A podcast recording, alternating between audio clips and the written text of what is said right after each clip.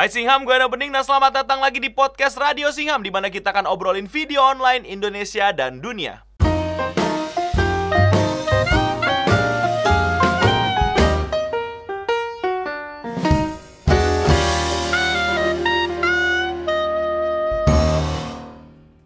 Bagi yang belum tahu podcast ini enaknya didengar pas lagi eh, mau siap-siap sekolah, lagi di jalan, lagi kerja, kalian tinggal nyalain YouTube Premium kalian di mana YouTube Premium gratis, ya. Lagi free trial berapa bulan nih? Silakan ya. Lagi di jalan, lagi eh, atau lagi mau tidur ya, lagi mau tidur silakan dengerin dan nikmatin suara kami tanpa peduliin visualnya karena itulah podcast Radio Singham di YouTube. Dan kali ini kita bakal ngebahas sesuatu yang sudah panas bulan-bulan ini yang sebenarnya udah panas dari kapan tahu sih. Cuman masyarakat Indonesia saja yang tiba-tiba wah terkaget-kaget gitu. Wah ada ini ada itu. Gue sih udah ngomongin dari dulu tapi dicuekin gitu. Ya kita mau ngomongin masalah calon sarjana. Calon sarjana yang dituduh memplagiat salah satu konten kreator dari luar Indonesia eh, namanya eh, JT atau GT. Nah untuk ngebahas topik kali ini gue udah bawa dua temen gue yang bisa kita jadikan teman diskusi, teman debat di pembahasan podcast kali ini. Ada Hokianto. Hadir. Coba ceritakan background lu, Tok. Lu siapa sih gitu. Gua ini mahasiswa akuntansi. Sekarang kerja jadi akuntan. Gue lumayan ngerti soal hukum sih sedikit, tapi untuk soal ekonomi dan bagaimana sistem apa ya, sistem monetisasi lah, various uh, penggunaan karya gue masih ngerti. Gue juga uh, terkadang directing beberapa video di Clean Sound Studio. Wih. Selanjutnya ada siapa? ada mirip admin Yami. Bodoh amat. Nah, untuk konteks buat teman-teman yang masih tinggal di gua ya, yang terlalu asik nontonin konten prank ojol sehingga mereka lupa banyak banget konten-konten lainnya di luar sana di YouTube. Jadi ada sebuah eh, konflik antara GT dengan calon sarjana yang mana GT membuat sebuah video yang eh, memberikan bukti-bukti bahwa calon sarjana betul-betul mengambil satu ide, dua visual, tiga bahkan bukti-bukti dan DM pribadi dari GT yang digunakan dalam videonya dan sederhananya ditranslate dan dirubah sedikit-sedikit sehingga menjadi videonya calon sarjana. Nah, dari situlah GT speak up dan eh, rame kemarin itu bahkan sampai ke Twitter, bahkan sampai beberapa orang-orang yang cukup terkenal di Twitter itu speak up masalah ini. Bahkan sampai akhirnya calon sarjana mengakui, gue nggak tahu itu hitungannya mengakui apa enggak, tapi dia udah bikin permintaan maaf. Gue pengen kasih tau ke kalian, kalau yang kayak gini tuh bukan calon sarjana doang, tapi banyak Betul. banget. Research mungkin di atas 20 gue pede sih. Nah yang mau kita bahas ini adalah fenomena ini secara keseluruhannya, bukan calon sarjana aja. Berangkat dari calon sarjana, membahas permasalahan yang lebih besar, yaitu gua namai istilah ini sebagai fenomena content translator. Nah, Nah, bukan content creator, tapi content translator. Nah, Translator. Iya, gua dulu udah speak up masalah ini. Empat atau tiga tahun yang lalu gue udah ngomongin masalah ini, tapi orang-orang diem. Dan bahkan waktu kemarin semenjak ada nominasi-nominasi youtuber terbaik tuh gue lupa dari mana lah, nggak usah disebut. Itu salah satunya calon sarjana. Jadi gue cuman bikin tweet yang mempertanyakan siapakah pilihan kalian. Terus malah banyak banget orang yang reply tweet gue daripada Ria Ricis mending calon sarjana. Terus gue bilang kayak, gue pribadi ya, gue mendingan milih Ria Ricis daripada calon sarjana. Dan mereka bilang, ia lebih mendidik, ia lebih memberikan informasi, ia lebih eh, em, kontennya edukasi gitu. Hah? Segini lu bilang edukatif, segini lu bilang bermanfaat. Gue di situ pusing banget pala gue. Aduh, gue bener-bener loh kalau misalnya di antara lu milih calon sarjana apa Ria Ricis gitu. Ya gue kan orang yang bergerak di bidang produksi juga gitu dan dan gue tahu gitu bikin video Ricis tuh lebih susah daripada calon sarjana gitu. Lebih Jauh. Lebih jauh lebih susah lah, lebih lebih Jauh, kelihatan jauh. effortnya gitu.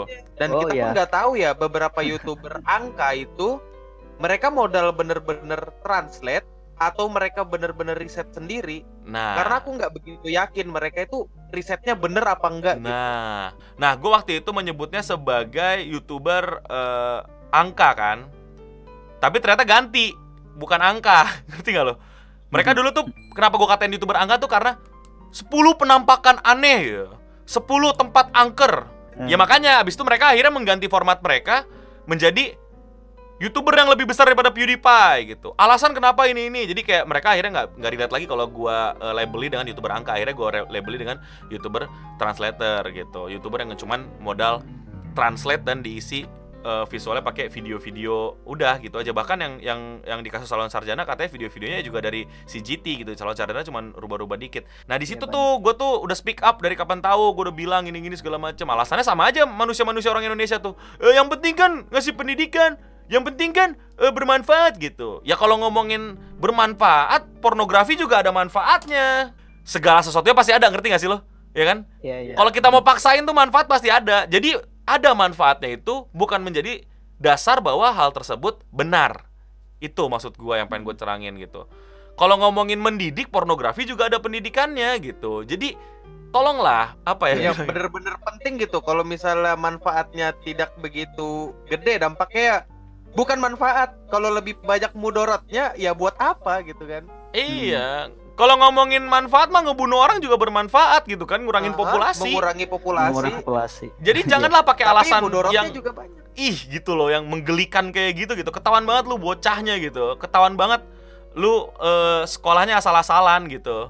Nah ini mau ngeba apa ya eh, mau ngebanding bandingin ya kalau misalnya kalian mau ngebanding bandingin ya. Ada satu kasus itu namanya Matthew Santoro salah satu youtuber di luar negeri ya. Dia itu sama kayak calon sarjana konten-kontennya. Dia itu pernah ke gap cuman bacain artikel buatan orang. Jadi orang pernah buat let's say ya ini gue lupa lupa persis artikelnya yang mana videonya yang mana tapi kon- konteksnya kayak begini dia tuh eh, ini sebagai contoh aja ya. Misalnya kayak ada orang pernah bikin kayak eh, eh, eh, eh, eh, 10 eh, tempat paling angker di Jakarta gitu. Misalnya satu apa dua apa tiga apa empat apa lima apa gitu. Nah si Matthew Santoro ini bener-bener pakai urutan yang sama pakai judul yang nggak jauh beda dan deskripsi yang nggak jauh beda. Nah Matthew Santoro ini itu tuh pakai muka loh. Bahkan dia nggak nggak terlalu ngambil footage dari artikel orang itu ngerti nggak lo? Bahkan dia pakai muka pakai muka dia sendiri untuk ngomong gitu. Kayak kayak ngevlog lah gitu kayak ngomong depan kamera gitu. Jadi ada kontennya dia di situ. Segitu aja yang ada perubahannya dikit aja masyarakat Amerika tuh mengecam itu. Orang-orang nggak suka sama sikap Setu Santoro yang cuman mengambil artikel itu dan menjadikan itu konten video dia. Itu aja itu aja orang-orang kesel. Itu kultur di Amerika. Itu bagaimana orang Amerika itu eh, eh, apa ya eh, Amerika dan Kanada ya maksudnya orang-orang eh, yang eh, di luar sana yang di Indonesia yang di luar Indonesia gitu merespon fenomena orang yang mentranslate artik- art- artikel menjadi konten dia gitu tanpa merubahnya terlalu banyak. Mereka aja kesel. Ini udah pakai muka sendiri gitu. Udah pakai eh, eh, eh, vlog sendiri gitu. Itu aja masih di dikecam sama orang Amerika nah makanya di Karena- Indonesia eh, edukasi em, eh, mantap jiwa gitu. Kesian sama kayak gue punya kayak si kayak, kayak kita tahu tahu Akila lah ad, eh, admin Yami Iya, atau iya. admin, admin Yami lah. Dia bikin skrip aja bisa guling-gulingan dua hari gitu. Belum lagi Iya betul. bagaimana dia research ini studio mana kalau bikin anime ini apa karakternya apa gitu. Dia mesti berlangganan Crunchyroll dulu sama Netflix untuk nontonin animenya gitu. Abis itu baru dia bikin reviewnya gitu gimana Belum lagi pendapat lo pasang VPN ya. Ah, mungkin mungkin Iya, mungkin belum lagi beli VPN nah ya belum ya, ber- ya lu daftar VPN ya biar bisa ngakses. Iya ada VPN nih. Terus eh Iya. takutnya nanti banyak bocah yang menyamakan lu dengan calon sarjana gitu. Ah admin Yami juga cuman bacot-bacot doang kok. Kok nggak di kalau nggak kalau nggak lu marahin no gitu. Jadi gini, kalau saya membuat video itu yang pertama-tama saya lakukan adalah pastinya menonton animenya dulu, ya kan? Terus aku cari beberapa sumber atau referensi gitu, baca beberapa review lain, tapi aku nggak 100% setuju dan nggak 100% jiplak juga. Aku ngelihat eh, kayaknya poin ini benar, tapi aku cek lagi apakah ini benar. Dan aku juga ngambil buku bahasa Indonesia SMA aku untuk ngecek eh, struktur cerita yang bagus gimana ya eh, cerita yang bagus tuh ada unsur apa aja ya cerita yang jelek tuh unsurnya apa aja ya Hmm. gitu jadi untuk proses aku bikin skrip itu ya emang agak lama karena sedikit sulit risetnya. Em- emang katanya cuma bacot doang sih. Karena mereka ngelihat hasilnya doang gitu. Iya. Dan dan kalau misalnya misalnya kalian bisa mau mau agak nuduh gitu misalnya kayak wah admin Yami plagiat. Ya lu cari mana video yang diplagiatin skrip mana yang eh, diplagiatin gitu ya atau review anime mana yang diplagiatin tunjukin bandingin gitu coba gitu. Banyak anak kecil sih ya yang yang nonton YouTube gitu jadi nggak paham gitu. Kalau lu orang kuliah tuh yang pernah bikin tugas dan lain-lain tuh sense of plagiarism lu tuh mulai nyala ngerti nggak lo apa yang plagiat apa Iya, yang iya. enggak ngerti nggak sih Hmm. Ya memang bahasa kasarnya kayak nyontek tapi jangan niru-niru banget. Emang sekasar itu atau kayak ATM, amati tiru modifikasi. Makanya ada M-nya, modifikasinya gitu. Bahkan film- menurutku, tar, tar dulu, tapi menurutku yang masalah sekarang itu adalah ya kata-kata slogan ATM amati tiru modifikasi. Masalahnya kalau modifikasinya cuma satu persen atau dua persen itu bukan modifikasi. betul. Itu cuma bedain titik koma apa coba betul, maksudnya? betul. Hmm. It- itu yang itu, Itu, yang yang sempat jadi masalah. itu yang sempat gue ributin juga karena eh, mereka seakan-akan kayak ya ya yang nggak mungkin men namanya apa istilahnya ya eh, mobil Honda gitu ya membuat seakan-akan kayak Avanza gitu diganti warna doang gitu nggak nggak bisa gitu ngerti Iya, nggak bisa. ada ada hal-hal yang nggak bisa. Heeh, mereka jadi ganti ya? spesifikasi mesin, mereka ganti entah ganti piston atau apanya gitu, volumenya ya kita nggak tahu ya. nah Itu baru modifikasi yang betul, bukan cuma ganti warna, bukan cuma ganti bahasa. Kalau menurut gua ya, mm-mm. yang mesti dimodifikasi itu adalah kecerukan ya, apa kenis. Spesifikkan eh, apa ya ide lu atau ciri khas lu dalam karya tersebut. Kalau misalkan kayak eh, Adminami kan, karakternya kan gitu melotot, muka datar, itu karakter dia. Walaupun dia ambil sumber dari mana pun, dia mana memberikan karakter itu. Itu yang penting menurut gua dalam hal modifikasi ya. Bukan cuma translate, nah ada karakter yang lu berikan. kalau coba Ya maksudnya juga dulu. Ya ya maksudnya juga amati modifikasi dan sebagainya. Misalnya nih, kalaupun videoku nggak ada, misalnya gini, ada videoku, tapi nggak ada gambarnya, itu kan masih ada audioku. Hmm. Itu kan tetap kontennya kan tetap ada isinya kan? Karena yang kalian ingin dengar adalah suaraku kan, opiniku, bukan background di belakangnya kan? Ngerti nggak sih maksudku? ngerti ngerti ngerti Ya udah Ya, kayaknya hmm. ini ya. itu. Oke, gue paham maksud lo. Nah ini yang ini tips buat teman-teman yang masih bingung membedakan mana yang sebenarnya kelihatan banget plagiat, mana yang enggak gitu. Tapi mirip-mirip, tapi ternyata enggak plagiat, tapi mirip. Nah, dasar pemikirannya mesti diganti teman-teman. Jangan cari mana yang original, tapi cari mana yang niru, ngerti nggak? Teman-teman tuh kayak seakan-akan mesti nyari, wah mana yang paling original, mana yang paling fresh, mana yang paling eh, tidak meniru, mana yang paling murni gitu. Nah itu pemikiran yang salah karena nyatanya di dunia ini nggak ada yang original lagi. Kalau kalian bergerak di bidang seni, pasti teman-teman udah tahu akan basic itu. Maka bagaimana cara mengecek mana yang plagiat mana yang enggak? Daripada temen nyari pembenaran, carilah kesalahan. Maksudnya gimana sih? Maksudnya cari kesalahan adalah teman-teman lihat seberapa parah dia meniru, bukan seberapa original dia. Nah itu yang teman-teman mesti eh, apa ya istilahnya kayak eh, tanamkan dalam dasar pemikiran untuk teman-teman bisa bedain mana yang original, mana yang terlalu plagiat, mana yang enggak plagiat-plagiat amat, mana yang ini gitu. Jangan cari yang original, tapi cari seberapa parah dia meniru, seberapa parah dia mengambil, seberapa parah dia eh, eh, mencuri atau mem- menduplikasi. Itu yang teman-teman mesti eh, cari. Jangan cari mana originalnya, karena capek kalau nyari originalnya, susah. Jadi coba coba lihat ya teman-teman. Coba jadi coba lihat teman-teman lihat seberapa parah dia meniru. Itu satu. Nah, yang kedua tadi dari obrolannya si eh, admin Yami. Jadi bagaimana sih cara melihat Wah ini kayak niru ini, wah ini kayak niru ini, wah ini kayak niru ini. Oke, ketika kalian sudah menemukan sesuatu, sebuah karya, entah video, lukisan, musik dan segala macam, ketika kelihatan banget kayak ada yang ditiru, nah coba deh teman-teman perhatikan yang ditiru tersebut. Lalu upayakan dalam otak teman-teman yang ditiru tersebut dibuang semua. Contoh, misal kayak tadi contohnya kayak admin Yami lagi ya. Misalnya video dia gitu. Semua yang dia tirukan itu diambil. Apakah video dia masih utuh dan bisa dilihat sebagai keutuhan video? Karena elemen yang dia pinjam dari banyak sumber itu ditarik? Kalau misalnya iya ya berarti dia hitungannya nggak plagiat. Nah itu paham nggak teman-teman? Dan ke youtuber mana pun gitu. Coba yang mana yang bukan milik dia ditarik apakah videonya masih menjadi suatu keutuhan? Misal, yang bukan milik calon sarjana, yang bukan ide calon sarjana, yang bukan modifikasi calon sarjana, ditarik. Videonya sisa apa? Eh, di salah satu video dia dia kayak ngasih source kan. Nah, gue cekin tuh satu-satu source-nya sampai tab gue ada 10. Dan semuanya itu nyambung ke YouTube. Salah satu dia juga dia kayak ngambil potongan-potongan YouTube gitu buat 10 videonya. Salah satu dari yang terkenal sekali Tara School, eh, Crazy Russian Hacker.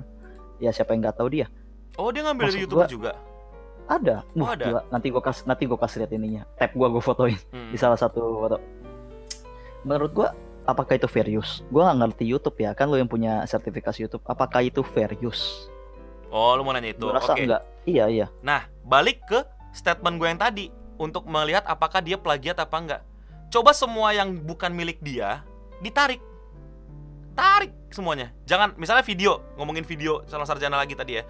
Video yang, yang punya crazy Russian hacker yang apa punya siapa ditarik semua ditarik. Artikelnya punya siapa, datanya punya siapa, segala macam ditarik. Apakah videonya masih menjadi satu kutuhan atau malah bolong atau malah kayak aneh anehnya yang aneh keterlaluan yang nggak bisa dinikmati jadi satu video Fair use itu nggak segampang cuman lu colong video orang kurang dari 10 detik atau berapa detik gitu terus ya udah gitu boleh gitu nggak nggak segampang itu. Use itu eh, aturannya itu juga eh, ini correct me if I'm wrong ya kalau misalnya ada teman-teman yang lebih belajar hukum atau ikutan eh, Creative Commons gue sempat ikut kuliah umum Creative Commons tapi eh, gue rasa eh, masih belum dibilang kredibel lah untuk bilang Master of Creative Commons jadi use itu kalau di YouTube ya nggak yang tiba-tiba konten semua konten di YouTube jadi use ada nggak semuanya konten jadi fair use kenapa? Karena nggak semua negara itu mengakui fair use dan kreator itu mengakui fair use ada beberapa yang dikasih Creative Commons ada yang beberapa enggak.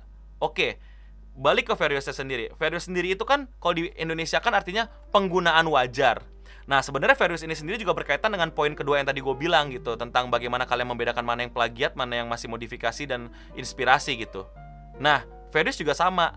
Kayak eh, ketika eh, kalian make fair use, kelihatan nggak sih wajar penggunaannya? Nah, itu. Paham nggak? Hmm. Kan namanya fair use penggunaan wajar. Jadi kayak lagi-lagi Iya. pakai sense lu gitu. Dianggap kita manusia-manusia yang normal. Make sense nggak sih penggunaannya nih video gitu? Secara secara secara secara umumnya gitu. Memang nanti bisa dijelasin detail kayak detik, eh, eh, Hmm. usage segala macam. Bahkan ada banyak ada yang bilang fair, fair use kalau udah mo- nggak bisa dimonetisasi gitu. Fair use tuh Nah. Nah, itu coba lo ngomongin. itu itu itu yang gue bahas. Gue gue setuju kalau monetisasi sesuatu yang lu bahas di belakang. Tapi gue paling nggak setuju kalau monetisasi misalkan video A 10 detik ambil video B 10 detik lu ambil video C 10 detik ambil lu ikat semuanya jadiin satu. Itu nggak bisa dong. Kalau misalkan kalau menurut gue lu ambil itu video 5 detik lalu lu bahas selama satu menit is okay. Tapi kalau lu ngejahit video A B C D E F G masing-masing 10 detik dengan alasan fair use itu nggak bisa dong Oh, nggak aku fair lagi. maksudmu, Itu udah nggak fair lagi. maksudmu. ngerti kan itu udah nggak fair Ah, lagi Iya, aku ngerti maksudmu. Jadi dia nyomot-nyomotin orang iya jadi itu yang gue maksud suatu video baru tanpa dia nambahin effort effort itu yang gue bilang idenya dia atau narasinya dia, mungkin kayak gitu maksudmu. even dia ngasih narasi voice over atau apa pun menurut gue itu kalau misalkan dia nggak ngebahas video itu ya misalkan eh, video lu nih 5 detik lu kasih footage eh, Boruto ya ya udah 5 detik tapi lu bahas untuk 5 menit kan. Bukan 5 detik lu cuma voice overin 5 detik juga.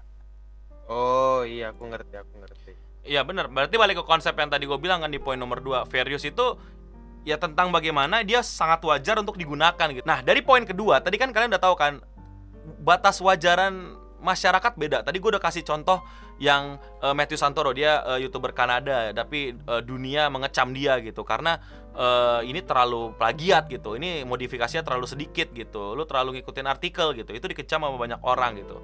Di Indonesia Salon Sarjana menjadi top 10 gitu kan. Berarti kan ada ada ada eh, eh, eh, eh, memang semacam jarak atau eh, jurang yang besar antara pengetahuan orang Indonesia dengan orang luar gitu.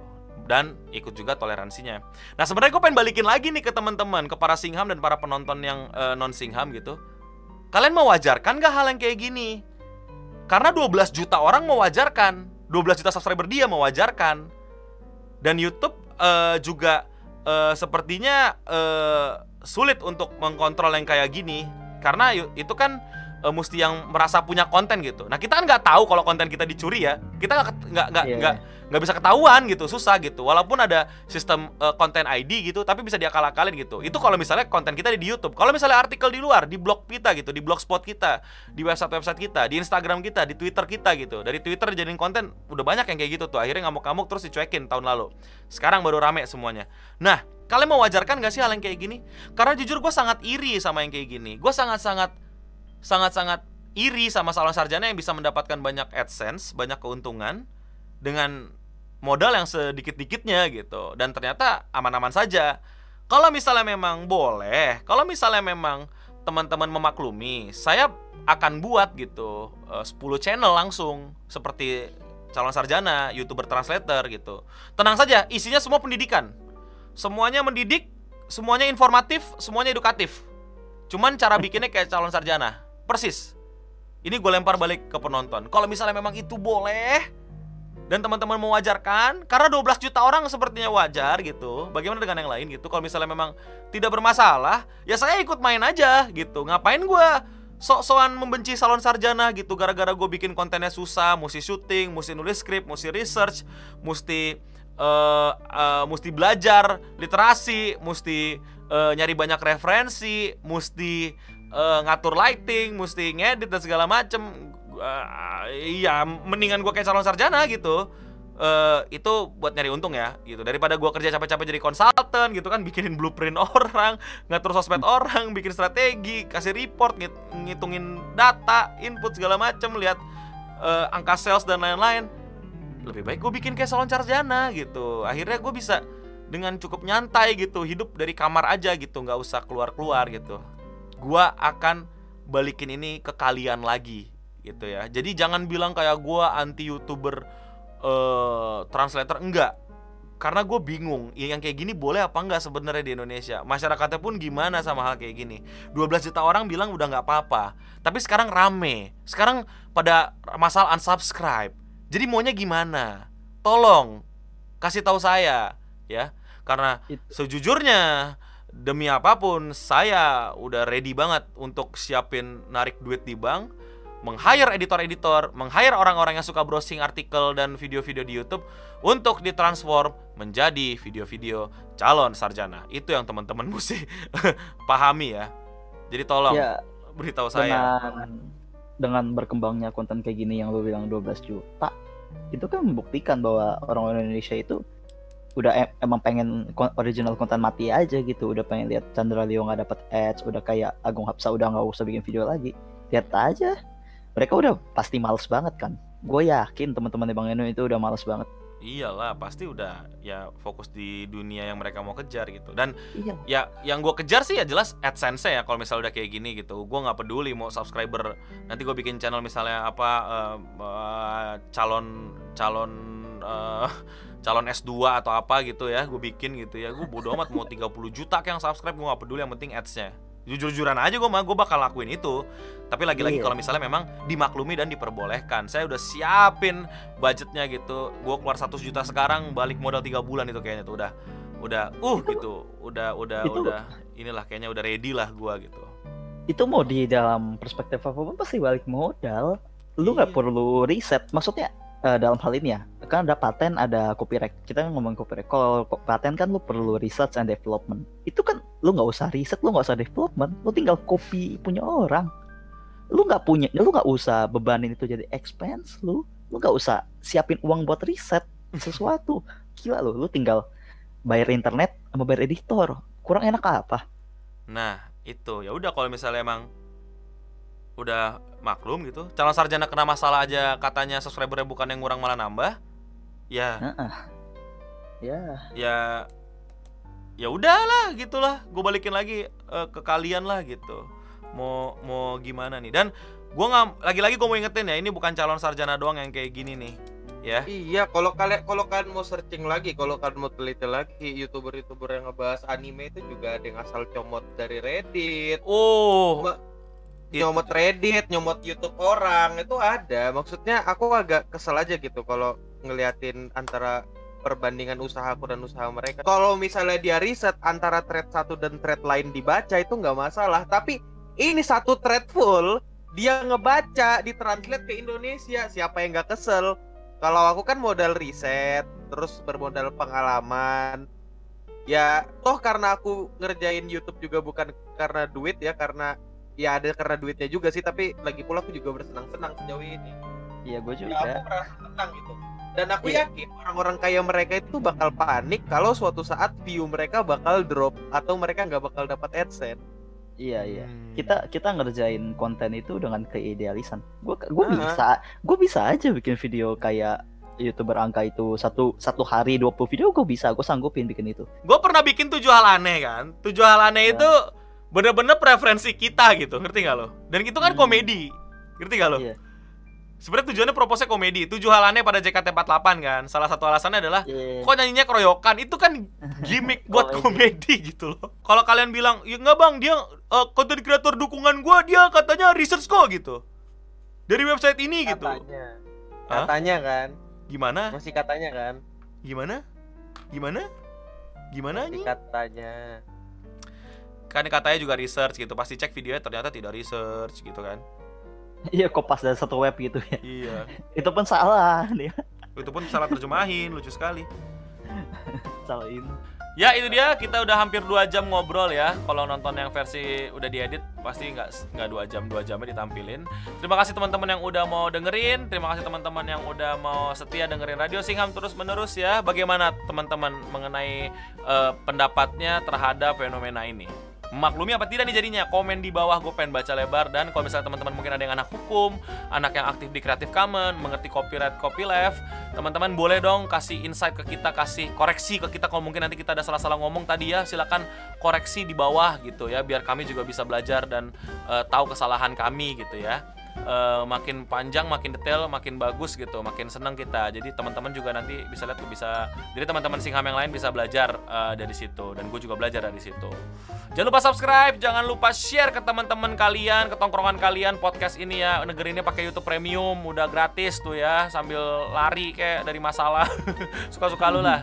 Gimana? Udah kelar tidurnya? Udah ketiduran atau udah pagi atau eh, apa gurunya udah kelar ngajar? Kalian selama ini dengerin podcast parah banget tuh, oke? Ya, gue tunggu komen-komennya. Eh, follow kami di sosial media kami. Komen di bawah juga kami mesti bahas apa berikutnya di podcast Radio Singham. Oke? Seperti biasa, yang datang ke Radio Singham wajib memberikan quote yang oke eh, eh, menarik biar eh, teman-teman eh, eh, terencourage lah, terinspirasi, termotivasi. Ah, lucu termotivasi.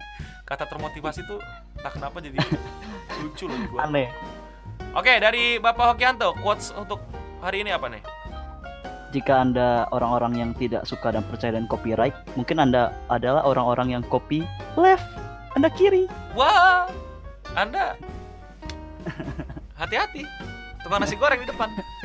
oh iya Ada 13. Kok malam waduh Oke, Bapak Akila alias admin kami.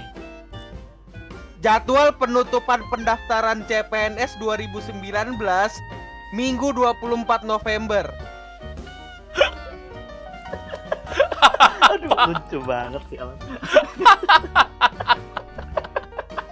Ya, itu quote dari Akila alias admin Yami.